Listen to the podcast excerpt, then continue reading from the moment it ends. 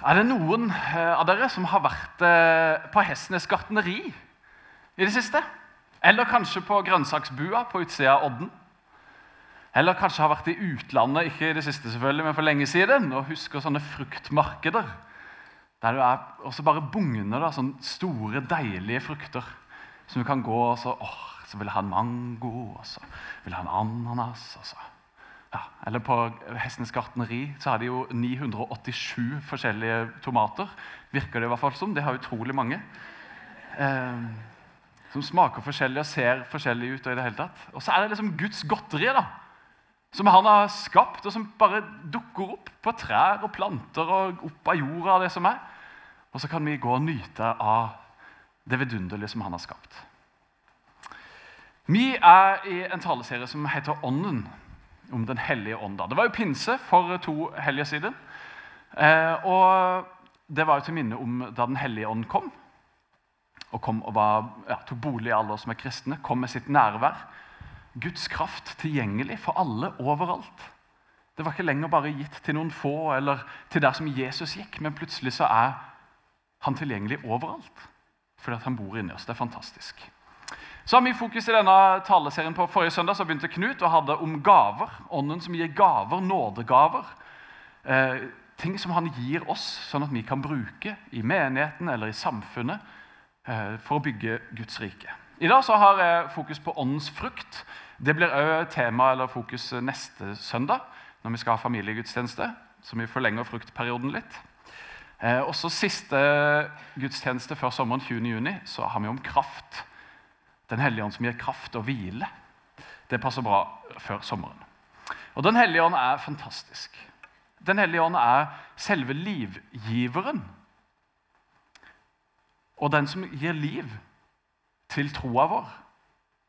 Så Den hellige ånd er superviktig og helt nødvendig og helt avgjørende for oss som er kristne. For oss som følger Jesus.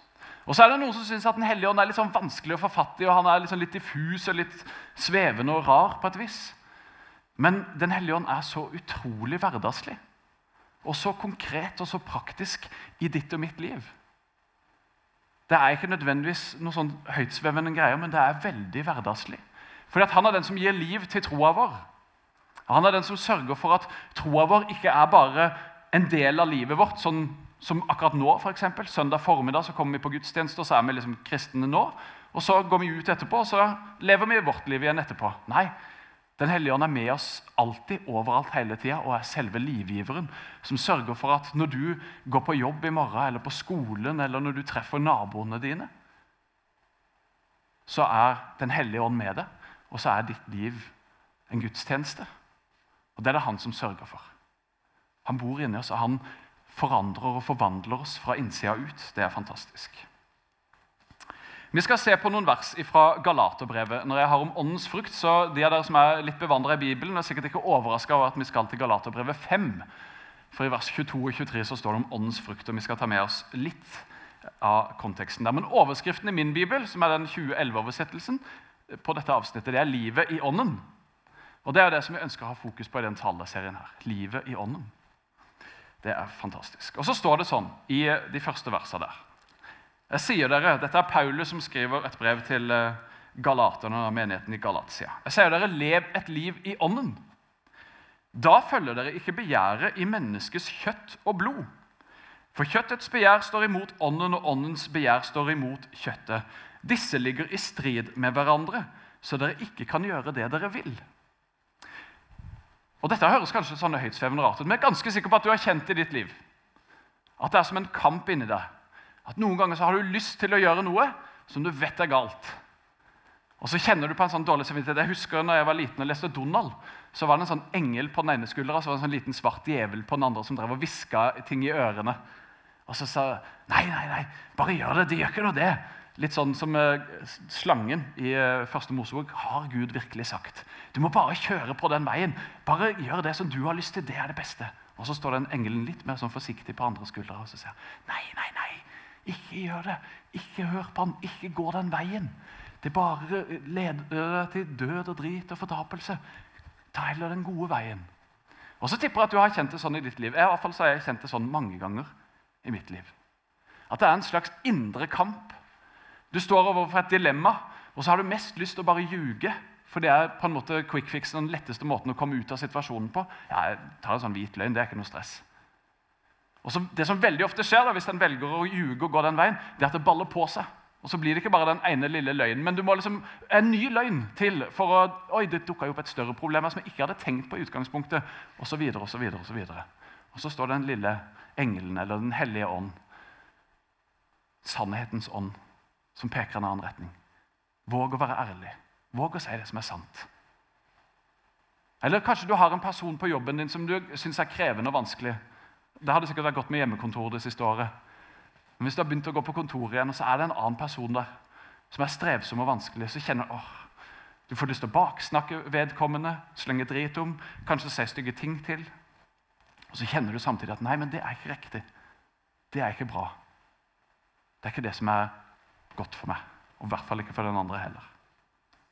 Og så har Gud en annen vei for oss, og så er det Den hellige ånd som leder oss den veien. Det er nemlig sånn at vi er født.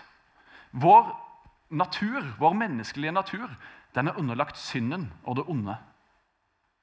Og Det betyr at i oss sjøl, i min natur, i din natur, så er vi egoistiske. Ursynden det er det at vi ønsker å være Gud, den som bestemmer og styrer over oss sjøl. Det er selve ursynden. Og vi er egoister som tenker på vårt eget beste, som ønsker å gå vår egen vei. Og det er helt naturlig, for det er sånn som vi er blitt født med denne synden i oss som drar oss mot å gjøre det som ikke vi burde. Og som vi tror mange ganger at gir oss frihet og fører til på en måte glede for oss. Og så gjør det veldig mange ganger ikke det. Men det, er, det, ja, det ligger helt naturlig å gjøre sånn. Og så kommer Den hellige ånd som en motvekt til dette, her, som, som sier nei. Veien til ekte frihet det er ikke å være egoistisk og tenke på seg sjøl. Det er å gå min vei. Guds vei der sannhet råder, f.eks. Og så kjenner vi på den kampen som vi står i. Mellom det som ligger naturlig for oss, og som vi har lyst til, der vi sjøl og vårt eget begjær og våre egne lyster er i fokus. Og så den andre veien, det som er Guds vei, der den andre er i fokus. Et annet menneske. Ikke lenger meg sjøl. Men Gud elsker alle. Han, han elsker de som vi ikke liker, de som vi strever med. Og så ønsker han at vi skal vise hvem Jesus er til deg. At vi skal leve sånn som han gjorde. Og det klarer vi ikke ved å ta oss sammen. Det klarer vi ikke ved å skjerpe oss, men det klarer vi bare ved Den hellige ånds ledelse, ved Den hellige ånds hjelp, og ved å leve et liv i ånden. Ved å bli fylt av Den hellige ånd. Igjen og igjen og igjen. Det er det som er så fantastisk når det står i Bibelen 'bli fylt av ånden'. Så står det i en sånn form av presens at det betyr gjentagende. Så det er ikke sånn en gang ja, vær så god, der fikk du ditt påfyll, lykke til resten av livet. Vi får se hvor lenge det varer. Nei, hver eneste dag. Mange ganger til dagen så kan vi komme og bli fylt og bli fylt og bli fylt. Og Jesus sier at vi har innlagt vann.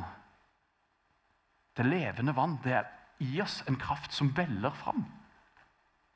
Det er fantastisk. Gud sjøl, hans kraft, bor inne i oss. Det er helt ufattelig. Den samme kraften som skapte universet og sola og jorda rundt oss, og som skapte de fruktene som vi kan gå og spise. Og Den samme kraften som reiste Jesus opp fra grava fra døden, den kraften bor inni du og meg. Det er vanvittig. Det er helt utrolig. Og så er den sterk, den kraften inni oss, den medfødte som vil ha oss til å gå en vei som ikke er den rette. Og så er djevelen på lag der og hvisker oss ting. Jo da, bare gjør det. Drit i Gud, ikke hør på han. Og så er heldigvis åndens kraft enda sterkere, så vi kan overvinne den veien. Tilbake til teksten. Ja, De ligger i strid med hverandre, så dere ikke kan gjøre det dere vil. og Derfor er Ånden så viktig. For det er Han som leder oss og drar oss og, og ja, viser oss vei, den retningen som er riktig å gå. Men blir dere drevet av Ånden, er dere ikke under loven. Og Så kommer det en liste her over ting som kommer fra oss sjøl, fra vårt indre, fra min menneskelige natur. Det er klart hva slags gjerninger som kommer fra kjøttet. Kjøttet det er altså min menneskelige natur. Kjødet, står det i den gamle oversettelsen. Eh. Og det som kommer fra meg sjøl, det er hor, umoral, utskeielser, avgudsdyrkelse, trolldom, fiendskap, strid, sjalusi, sinne, selvhevdelse, stridigheter, splittelser, misunnelse, fyll, festing og mer av samme slag. Jeg har sagt det før, og jeg sier det igjen. De som driver med slikt, skal ikke arve Guds rike. Og Nå kan det være at jeg hopper over et bilde som skulle vært først. Med dette med kampen som er i oss. Her er det, ja. For vi har en indre kamp, og det er mye kjipt som kommer ut fra vårt eget. Og alt bunner egentlig i dette med egoisme. Om at jeg vil ha, og mitt begjær og mine lyster, det gjør at jeg bedriver hor. Selvhevdelse, som det står.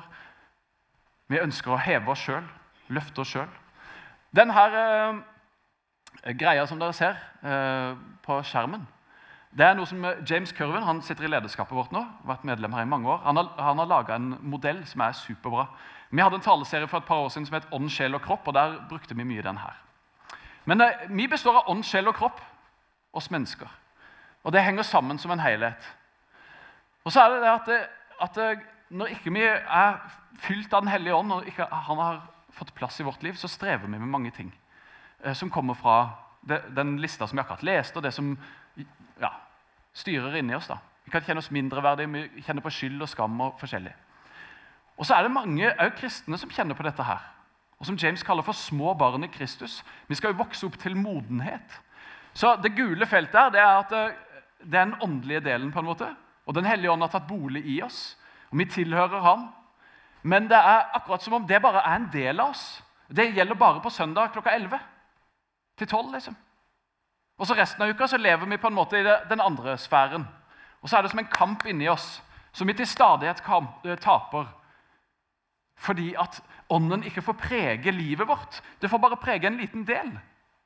Og ikke hele livet. og ikke hele oss. Og Da kjenner vi ekstra på den kampen, og da er det utfordrende å være en kristen. Det vil det alltid være. Men spesielt derfor en opplever kanskje ikke at nei, det, det skjer ingenting. De bærer ikke frukt. eller det, ja, det skjer ikke det som jeg ønsker og håper på. eller Det oppleves fjernt og rart. Og Det er fordi at vi har ikke overgitt livet. Vi, vi vandrer ikke i ånden. Han bor inni oss. Og vi er, ja, er ett med Kristus, men vi går vår egen vei hele tida istedenfor å gå hans vei. Vi lytter til kjøttet vårt, til vår menneskelige natur, framfor å gå den veien som ånden går. Og Det er jo da, som jeg sa i sted, naturlig for oss. Og Det er derfor det er så utrolig viktig med ånden. For at Hvis ikke så snubler vi igjen og igjen og igjen og roter rundt i vårt eget og blir skuffa og alt mulig sånn.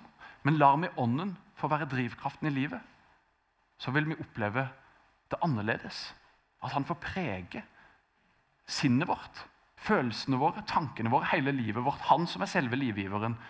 Så ikke det bare blir en liten del av ja, ja, jeg tror jo på Jesus, men det har ikke noen betydning for livet mitt. Nei, han er selve livet.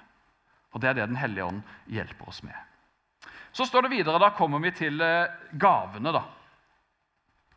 Men åndens frukt for Når vi blir ledet av Den hellige ånd, så vokser det fram frukt i livet vårt. Og De fruktene det er kjærlighet, glede, fred, overbærenhet, vennlighet, godhet, trofasthet, ydmykhet og selvbeherskelse. Det er det herlige fruktfatet. altså. Da kan eh, tomatene fra Hestenes gartneri gå og legge seg. De er gode for ganen, men dette er gode for så mye mer. Mennesker som er fylt av kjærlighet, som er fylt av glede, som er fylt av fred, som er fylt av overbærenhet osv. Er ikke det nydelige mennesker å være sammen med? Ja, det syns jeg òg. Mye bedre enn de som legger opp til stridigheter og er sinna og alle mulige sånne ting. Jeg ønsker å være en person som er prega av dette her. Og det kommer ikke naturlig. Det naturlige det er de andre tinga. Mens dette kommer gjennom å leve og være leder av Den hellige ånd. Så la han det vokse fram frukter i vårt liv som vi kan nyte, men som òg de rundt oss kan nyte av. Og Kjærlighet det er kanskje hovedutgangspunktet. Gud er kjærlighet, står det i Bibelen. Og er, Alle de andre er på en måte prega av kjærlighet. Og Dette er en type kjærlighet som er gitt av Gud. Og Den er fullstendig uegoistisk. Det er bare Gud som har den typen kjærlighet. Agapekjærligheten. Som bare tenker på den andre. Som ikke nødvendigvis er fylt av sånne gode følelser, sånn, å, sånne kjærlighetsfølelser. Nei, men som tar valget om at jeg vil gå den veien, for det er det rette. Jeg velger å kjempe for forholdet vårt av kjærlighet. Ikke fordi jeg føler det sånn, men fordi det er riktig. For eksempel. Jeg velger å tilgi den personen på jobben som jeg strever med. Jeg velger å vise kjærlighet til han, ikke fordi jeg kjenner det så innmari, men fordi det er det rette. Og Helligånd, må du hjelpe meg til å gjøre det. Må du la den frukten vokse fram, sånn at det ikke blir at jeg tar meg sammen og prøver så godt jeg kan. For det funker bare en bitte liten tid. Og så snubler vi. Men når det er en hellig ånd som får drive det fram, så blir det liv. Så står det slike ting rammes ikke av lovene. De som hører Kristus til, har korsfesta kjøttet med dets lidenskaper og begjær. Når vi velger å ta imot Jesus, så sier vi nei egentlig til det gamle livet vårt, og så sier vi ja til et nytt liv. Jeg vil ikke lenger følge mine egne veier, jeg vil ikke lenger følge kjøttet, min menneskelige natur, men jeg vil følge det. Det er den nye veien. Lever vi ved Ånden, så la oss også vandre i Ånden. Da kan vi se på det neste bildet på den sliden til James. Og Da ser en at det gule begynner å få innpass i resten av livet. Når Den hellige ånd får enda større rom, når vi overgir hjertet vårt, hele livet vårt, til Han, og la Han få prege oss i enda større grad, så blir det ikke bare en liten del av livet vårt, en liten greie, men det blir selve livet vårt. Plutselig så begynner vi å tenke annerledes. Selv om det føles veldig unaturlig, kanskje, så er det fordi at Den hellige ånd driver det fram. Vi begynner å handle annerledes, gjøre andre ting. Fordi at Den hellige ånd får prege oss i enda større grad, får ta enda større bolig i oss. Og Jo mer plass Den hellige ånd får i oss, jo mindre plass blir det til oss sjøl og til de andre tinga som ikke er godt for oss. Så ved å la oss fylle ved Den hellige ånd, så får det prege hele livet vårt. Og så vokser vi og utvikles og modnes vi i Kristus. Så er vi ikke lenger små barn, men vi blir modne i Kristus. Rett før uh, det avsnittet som vi leste nå, så står det to vers som jeg har lyst til å lese. Om det står om frihet. Dere søsken er kalt til frihet. Det er det som vi som er etterfølgere av Jesus, er kalt til. Det er frihet. Og det tror jeg er noe alle mennesker lengter etter. Det er frihet. Og så tror vi så mange ganger at friheten det er å finne i å følge vårt eget begjær og våre egne lyster. Vårt samfunn forteller oss har du lyst, har du lov. Til å kjøpe deg den bollen på Narvesen, eller til å ligge med hvem du vil. Eller hva det skulle være. Og så er det frihet som er det vi tilbys, men så er det ikke frihet å hente der. Det er bare hos Skaperen, han som har skapt du og meg, som kjenner oss bedre enn vi gjør sjøl, Gud, at vi finner virkelig og sann og ekte frihet. Og Det er det Den hellige ånd kan skape i oss. Dere søsken er kalt til frihet. La bare ikke friheten bli et påskudd for det som kjøtt og blod vil. Det er det som er fort. og jeg er fri, jeg kan gjøre som jeg vil. Det fins nåde for meg. Da kan jeg jo bare ljuge og snyte på skatten og gjøre akkurat som jeg har lyst til.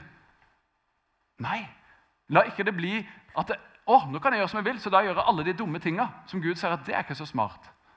Nei, tjen hverandre i kjærlighet, står det. For hele loven blir oppfylt i dette ene budet. Du skal elske din neste som deg sjøl.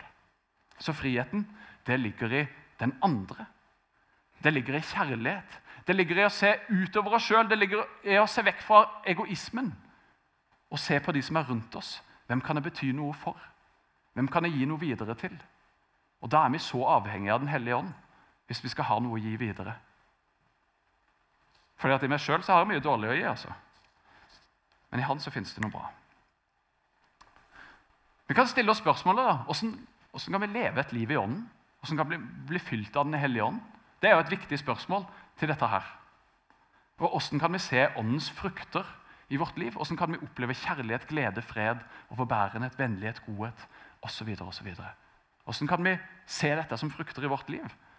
Er det sånn at vi kan bare gå på et gartneri og så kan vi den frukten vil jeg ha, og den frukten vil jeg ha, eller komme her til gudstjeneste da, er i dag Gud, så trenger jeg litt kjærlighet, så da går vi og plukker det, og så der er det hjørnet, ja, der har vi jo fred, så det var veldig fint. og så...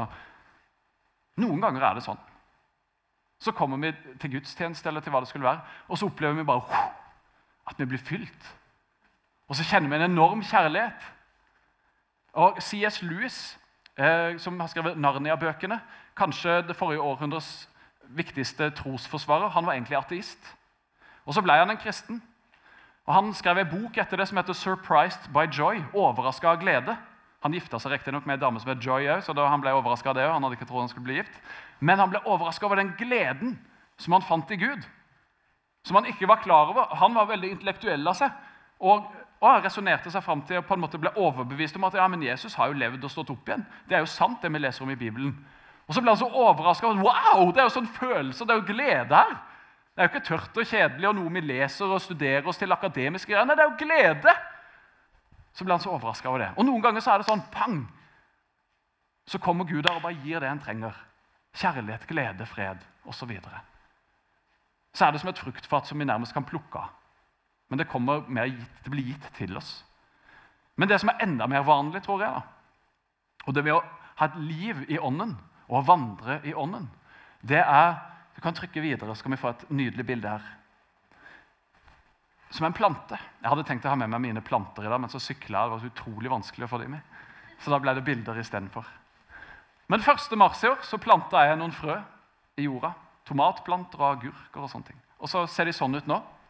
Eh, tomater her til høyre. Der ser jeg det er noen små grønne tomater der. Her har vi noen snacksagurker. Jeg har spist en allerede. Veldig gode. Eh, og de har jeg stelt ganske pent med. For de av dere som holder på med litt sånne ting, da, dere vet at for at det skal bli noe frukt av en plante Når jeg sådde det lille frøet, så måtte de ha vann og så måtte de ha varme.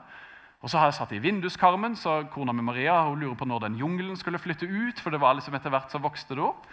Eh, det er kjempegøy. Eh, og så vokser det. Men det trenger næring. Det trenger vann, og det trenger lys og det trenger varme. Hvis det ikke så dør det. Og Det skjedde med den ene planten her litt. da. Den eh, døde litt og ble litt stygg, så jeg tenkte jeg, oh, perfekt, det kan jeg bruke som en illustrasjon. Den lar jeg stå. Eh, og Så glemte jeg å sette den vekk, og begynte å regne, så den ser jo mye bedre ut enn den egentlig burde ha gjort. For den fikk liksom litt vann og næring. da. Jeg tenkte stå i sola og bli svidd. Eh, men den har daua litt da, og er ikke like bra.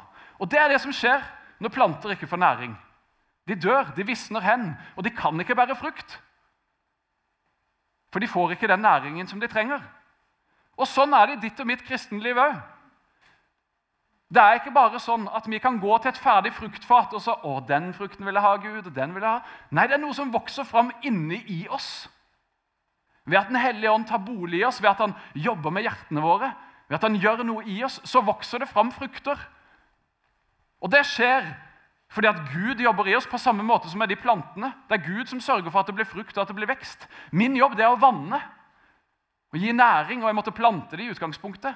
Og Sånn er det for vår del. Vi må gi næring til Den hellige ånd for at det skal kunne vokse for at det skal kunne bli frukt. Det er ikke bare å gå og plukke et fruktfat. Men det er som en plante inni oss som vokser opp, og så gir den frukt. Og det skjer av seg sjøl når vi lever sammen med Jesus, når vi lever tett på Jesus, som vi kaller det i menigheten her. Da vil det vokse fram i oss. Fordi at Den hellige ånd får anledning. Så Det handler ikke om å ta seg sammen, det handler om å bruke tid sammen med Jesus. Det handler om å ta Den hellige ånd med i hverdagen vår, i livet vårt. Så åssen kan det se ut, da? Og Du kan spørre deg sjøl hva trenger jeg for å leve et liv i ånden? Hva er det jeg trenger å gjøre? Hva er det jeg trenger for å gi næring til min tro, til Den hellige ånd? Vi skal ha bitte grann stilletid, noen få sekunder.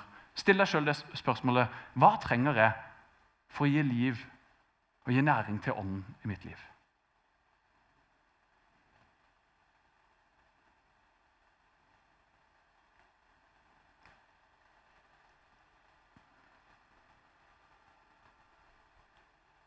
Jeg tror stillhet er noe av det vi trenger aller mest. Hvis jeg skal være helt ærlig. Og mer enn de ti sekundene eller mange vi hadde nå. Vi lever i et ekstremt samfunn som er så Det går så fort, og det er så mye informasjon, og det skjer så masse. Det er nesten aldri stille. I hvert fall i mange av våre liv. Det kan være at du opplever at du har for mye stillhet. Bruk den til noe godt. Vær takknemlig for at du har den. Men vi trenger stillhet for at Den hellige ånd skal få tid og plass og mulighet til å gjøre noe i oss. Jeg trenger i hvert fall stillhet. Jeg husker når jeg gikk på Ansgar-skolen. Der hadde jeg et nydelig kapell. Jeg har fortalt noen ganger før. Men jeg begynte hver morgen å gå inn der og sette meg ti minutter eller sånn i kapellet før undervisninga begynte. og Så satt jeg bare i stillhet der. Kikka opp på den Jesusfiguren som henger på veggen der. Og så var jeg bare helt stille. Og så var det ikke alltid at det var så veldig gøy eller spennende eller fint. Men jeg skal si jeg kjente det etterpå. Veldig ofte når jeg kom til undervisning og ikke hadde hatt stillhet, men hadde hasta på bussen og løpt kanskje til undervisning eller prata med andre og styra rundt, så satt jeg i undervisning, fulgte med, og så etter en stund så ah, skal jeg bare sjekke VG. Nei, kanskje det kommer noe gøy der. Jeg må bare innom Facebook litt. Å, jeg må skrive melding til den. Og så plutselig så var jeg vekke fra undervisninga og så var jeg til stede i noe helt annet. Og så var det kjøttet mitt som trengte å bli fora. Han må ha litt informasjon og trenger å vite om det har skjedd noe spennende i, i verden eller rundt meg. eller sånne ting. Og så var det så påtagelig de gangene som jeg satt i kapellet først og hadde den stille eh, tida. Når jeg kom inn i undervisninga, så klarte jeg å følge med hele tida. Så var jeg til stede i undervisninga, så hadde jeg ikke behov for å gå på VG eller Facebook eller hva det skulle være. Det er veldig rart. Kanskje ikke så rart allikevel. Jeg tror det var Den hellige ånd som fikk anledning til å fylle med meg sin fred og sitt nærvær, som gjorde at jeg takla hverdagen min helt annerledes. Og jeg fikk mye mer igjen for undervisninga. Det kan jo dere være glad for òg. Hvis det var bare sånn VG-greier. Nei, men Det er så hverdagslig, Den hellige ånd. Nå så går jeg en liten tur hver morgen, helt stille for meg selv. Jeg trenger stillhet. Sånn er det jo når en har tre unger. Eh, så trenger en litt tid for seg sjøl. Til stillhet og til bare tenke en klar tanke. og sånn. Men jeg, jeg har nok ja, kanskje fått mer behov for det, for jeg har øvd meg opp i det. Men jeg tror stillhet er så viktig. Jeg trenger Bibel å lese Bibelen. Akkurat nå for tida er følelsen kjempetung og vanskelig og ja, håpløs å lese. egentlig. Kanskje du har det sånn du er. Sånn er det av og til. Så går det opp og litt ned. Jeg trenger bønn, jeg trenger samtale med Gud. Jeg har en bønnebok som jeg skriver i, for jeg er så dårlig til å be bare sånn fritt. Der forsvinner jeg alle andre veier og tenker på alt mulig annet. Men når jeg skriver, så klarer jeg å samle bønnene mine. Så er det gøy å ha det seinere. Jeg trenger fellesskap med dere på gudstjeneste. Så dere som sitter hjemme, velkommen inn i fellesskapet her. Det er nydelig å være i fellesskap med andre. Jeg trenger det lille fellesskapet som jeg får i cellegruppa mi. Jeg trenger noen å prate med, jeg trenger noen som kan be for meg. Jeg trenger lovsang og fellesskap på den måten. Hva trenger du? Og Det jeg egentlig trenger mest av alt, det er gode vaner. Sånn er det med plantene mine. De trenger at jeg har gode vaner. De trenger at jeg vanner dem hver dag hvis det er sol og tørt. Hvis ikke så dør de og visner. Og vi trenger gode vaner. Hvis ikke så visner vi hen, og så dør vi, og så bærer vi ikke frukt. Og så blir kristenlivet vårt kjedelig, og så lurer vi på er det noe vits det greiene her. Skal jeg gidde å gå på gudstjeneste i dag? Det er jo litt sånn tørt og kjedelig. Jeg tror mange har hatt det sånn i koronatid fordi at vi har ikke gode vaner. Vanen vår har vært å gå på gudstjeneste, kanskje. Og så har ikke det vært mulig. Så har vi fått andre vaner. Men vi har gode vaner. Det gir oss næring til troa vår. Det gjør at ånden får liv. Så hva er, dine, hva er dine gode vaner? Hva er det som gir næring til din tro? Det er spørsmålet jeg har lyst til at du skal stille denne uka. Og et av det kan kanskje være diakoni. Det å gjøre noe godt for andre. Noe helt konkret, noe godt for andre. Loven oppfylles i det du skal elske de neste som deg sjøl. Så det å bety noe helt konkret for noen andre Det er lite som er så gøy og givende synes jeg, som å være raus og som å gi til noen som trenger det. Og Da kjenner jeg at, min, at ånden i meg vokser og får plass og får bolig. Og ser at oi, det som jeg trodde var umulig sjøl, det fiksa Gud. Han er mye større. Så åndens frukt det er kjærlighet, glede, fred, overbærenhet, vennlighet, godhet, trofasthet. Det er søren meg en frukt du bare kan gå og plukke. altså. Trofasthet det er noe som tar tid. Enig? Ydmykhet, selvbeherskelse. Jeg har øvd, lært meg, eller øvd blitt utfordra på tålmodighet i helga. Kan jeg bare si. Prøv å sette sammen et sånn der fotballspill sammen med ungene dine som har 18 skruer som ikke funker. og alt mulig sånn. Tålmodighetsprøve. Eller spar vekk hele innkjørselen med grus, sånn som vi holdt på med i går. Det er sånn tålmodighetsgreier. Men da får ånden tid til å jobbe i oss. Den gir på en måte næring til ånden sin. Så hva trenger jeg for å leve et liv i ånden? Det vil at du skal stille deg sjøl det spørsmålet denne uka. Vi kan få det opp her, så kan du ta bilder av det, eller hva som helst. Hva trenger jeg for å leve et liv i ånden? Still deg selv det spørsmålet denne uka. Og hva er det som gir næring til ånden? Hva er det som gir meg næring til ånden? Vi er forskjellige, vi er ulike. Men still deg de to spørsmålene her denne uka. Forsøk å skape deg gode vaner i livet ditt, sånn at du lever et liv i ånden. Det er en kamp. Vi står i en kamp hele tida. Vi må velge å gå en vei og la ånden få prege oss. Så står jeg i den kampen. Og Nå skal vi synge en sang som heter I Raise a Hallelujah, som handler om det å stå i en kamp. Paulus og Silas de satt i fengsel, i lenker. og Det de gjorde, det var å synge til Gud, synge lovsanger til Gud, og lenkene løsna. Og Denne sangen handler om akkurat det. Når du er i en kamp, hva gjør du da? Blir du selvmedlidende og syns du synd på deg sjøl, eller løfter du stemmen din og ærer Han som har skapt deg? Det tror jeg er en måte å kjempe denne kampen på, og la Den hellige ånd fylle oss. Så vi ber en bønn først, og så skal vi synge sammen. Hellige ånd, jeg takker deg for at du er her. Jeg takker deg for at du fins, jeg takker deg for at du er levende, at du er selve livgiveren. Jeg takker deg for at du skaper frukter i livet vårt til glede for oss og for deg rundt oss, Herre. Hellige Ånd, må du hjelpe oss og lede oss til å leve sammen med deg, til å gi næring til relasjonen med deg, sånn at den kan vokse, og sånn at det kan bli gode frukter ut av det. Herre, må du lede oss i den uka som ligger foran oss. Må du lede oss i tida framover, far. Du velsigne den enkelte som er Takk for at du er god, takk for at du er kjærlig, takk for at du elsker oss. Takk for at du ser i nåde til oss hver eneste dag når vi roter det til og går vår egen vei. Herre. Takk for at det finnes ny start og nye muligheter. Takk for at du vil lede oss på din vei. Vi ærer deg og priser deg og løfter opp ditt navn. Ønsker å tilbe deg, Jesus. Amen.